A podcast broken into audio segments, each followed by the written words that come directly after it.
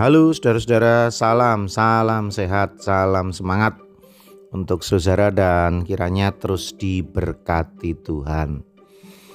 Firman-Nya dalam Kejadian 13 ayat 8 dan 9 berbunyi demikian. Maka berkatalah Abraham kepada Lot, Janganlah kiranya ada perkelahian antara aku dan engkau, dan antara para gembalaku dan para gembalamu sebab kita ini kerabat. Bukankah seluruh negeri ini terbuka untuk engkau? Baiklah, pisahkan dirimu daripadaku. Jika engkau ke kiri, maka aku ke kanan. Jika engkau ke kanan, maka aku ke kiri. Kejadian 13 ayat 8 dan 9. Saudara-saudara, Lot adalah ponakan Abraham. Dan Lot ketika muda itu ikut hidup di keluarga Abraham. Sebagai ponakan, lalu dia bekerja di keluarga Abraham. Nah, jadi Abraham yang mengalah ini adalah sebuah keteladanan yang sangat mengagumkan. Sangat mengagumkan. Dia lebih tua, Lot ini adalah pegawainya, ya pegawai gimana ya? Maksudnya eh, numpang hidup lah. Dalam bahasa Jawa itu ada istilah ngenger. Jadi numpang hidup. Nah, jadi sebagai keluarga yang lebih berkecukupan. Nah, ini ada keluarga, ponakan, sepupu ikut bersama-sama dengan dia. Nah, Abraham udah lebih tua, Abraham lebih kaya, dan Abraham yang mengalah. Ini keteladanan yang sangat mengagumkan. Demi apa sih? Demi berhentinya konflik. Itu yang paling utama daripada ribut, daripada konflik, daripada berkelahi, saudara bersaudara, melangkai nyawa saudara, saling bunuh, saling tikam. Semuanya akhirnya rugi kan? Nah, makanya bagi Abraham solusi yang terbaik ya kamu ke kanan, aku ke kiri.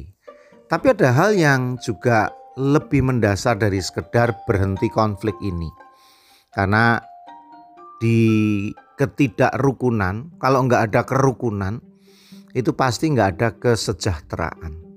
Nah kalau kita rukun itu berkat mengalir. Nah ini sebetulnya alasan yang lebih mendalam dari Abraham. Ketika rukun berkat Tuhan mengalir.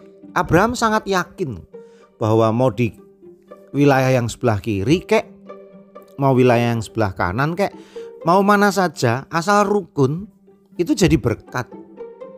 Benar saudara, perhatikan kata-kata itu dan coba saudara camkan betul ya. Kalau rukun itu kemudian jadi berkat. Kalau rukun saudara bisa meniti karir bersama, kalau rukun saudara bisa ber jerih payah bersama, kalau rukun bisa berlelah-lelah bersama, kalau rukun bisa mengerjakan sesuatu yang dari nol kecil nggak ada artinya dibesarkan dibesarkan dibesarkan semua kalau rukun berkat Tuhan mengalir. Ya dan ini sebuah keteladanan yang sangat baik. Saudara ada tokoh motivator namanya David M. Klein Nah, dia ini membuat satu gerakan, satu dorongan bahwa orang yang layak hidup itu adalah orang yang nomor satu. Jadi pemenang, menjadi orang yang menang dalam setiap kompetisi, juara satu, itu adalah manusia-manusia yang layak hidup. Saudara apa benar begitu ya?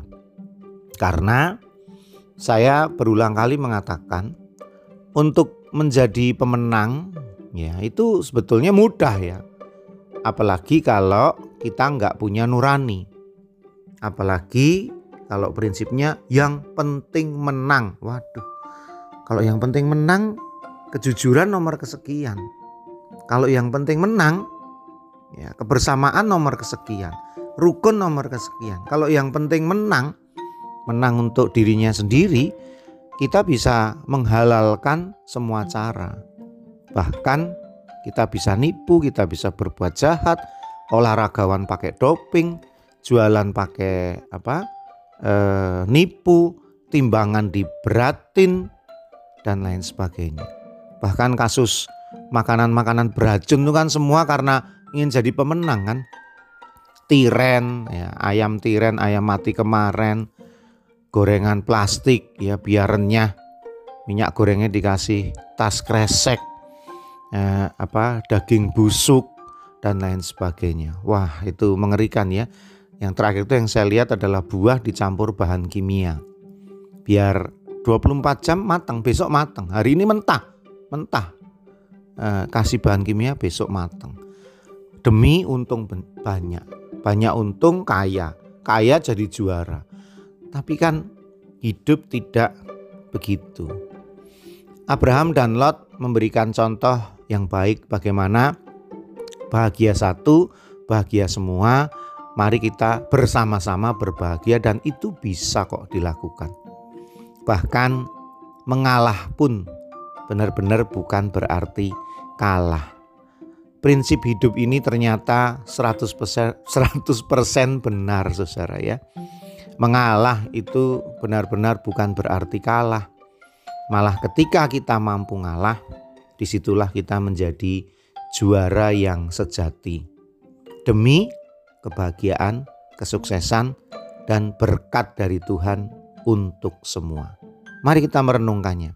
Bersama saya Pendeta Yudi dalam Renungan Emas, esok masih ada solusi.